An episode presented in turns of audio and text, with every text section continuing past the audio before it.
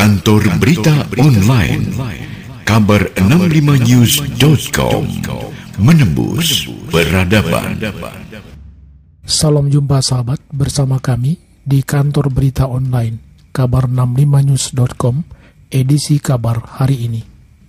Belum lama ini, polisi telah berhasil menangkap seorang pria berinisial ICN 39 tahun karena diduga telah melakukan pembobolan kartu kredit di salah satu bank milik pemerintah. Di dalam aksinya, ICN berhasil membobol ratusan juta rupiah dengan menggunakan kartu tanda penduduk yang diduga telah dipalsukan. Namun akhirnya aksi yang dilakukan tersangka ICN tersebut terendus polisi dan ICN pun berhasil ditangkap polisi setempat di Marga Laksana, Tasikmalaya, Jawa Barat pada 23 Agustus 2021. Seperti apa aksi ICN dalam melakukan tindakan kejahatan yang sudah dilakoninya sejak tahun 2017 itu? Berikut keterangan pers Subdit Resmo Polda Metro Jaya yang dipimpin Kabit Humas Polda Metro Jaya, Kombes Polisi Yusri Yunus, Senin 30 Agustus 2021. Kasus penipuan dan atau pemalsuan ini sama pelakunya seorang diri dia sudah melakukan sejak tahun 2017 yang lalu. Ya. Korbannya adalah Bank Nasional di Indonesia ini atau BRI lah, Bank Republik Indonesia. Ini dia lakukan sejak tahun 2017 sampai dengan sekarang. Tersangka inisialnya adalah ICN alias I. Dia hasil pemeriksaan awal ini sudah lebih dari 300 juta lebih dia raup uang milik Bank BRI. Modusnya yang bersangkutan ini awalnya adalah mencari satu di aplikasi, ada satu aplikasi untuk bisa mencari KTP-KTP, nik dari KTP-KTP yang ada. Ya, saya nggak usah sampaikan apa aplikasinya nik KTP kemudian berspekulasi dengan nik KTP itu dia buat KTP palsu. Niknya ada fotonya beda alamatnya beda. Ya.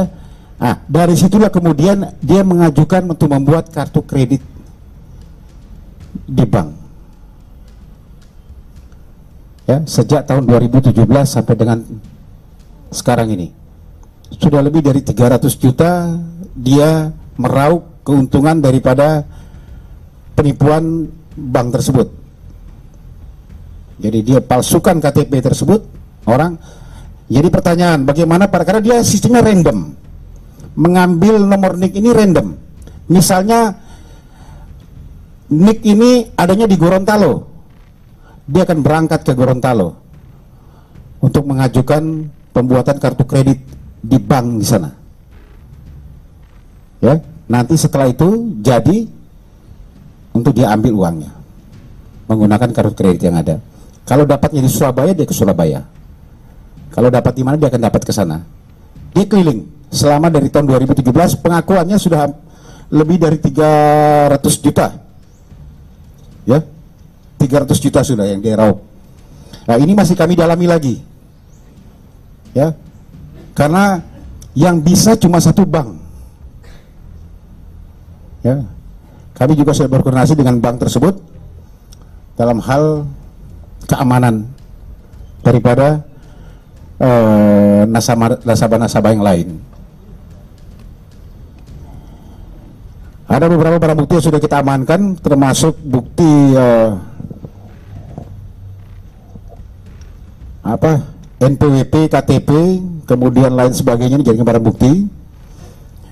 Nah, dari sini setelah adanya laporan dari bank tersebut, kita coba dalami dan berhasil menangkap yang bersangkutan ini inisialnya IN alias I ini di daerah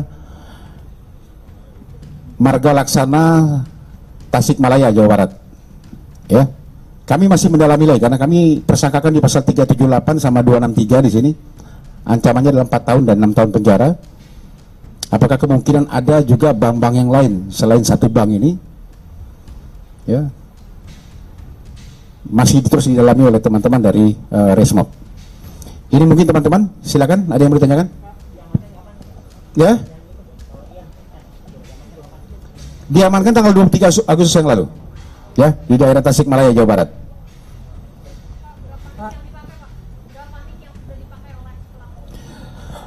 pengakuannya ada 15 yang jadi yang disetujui. Karena ada beberapa memang nggak semuanya disetujui.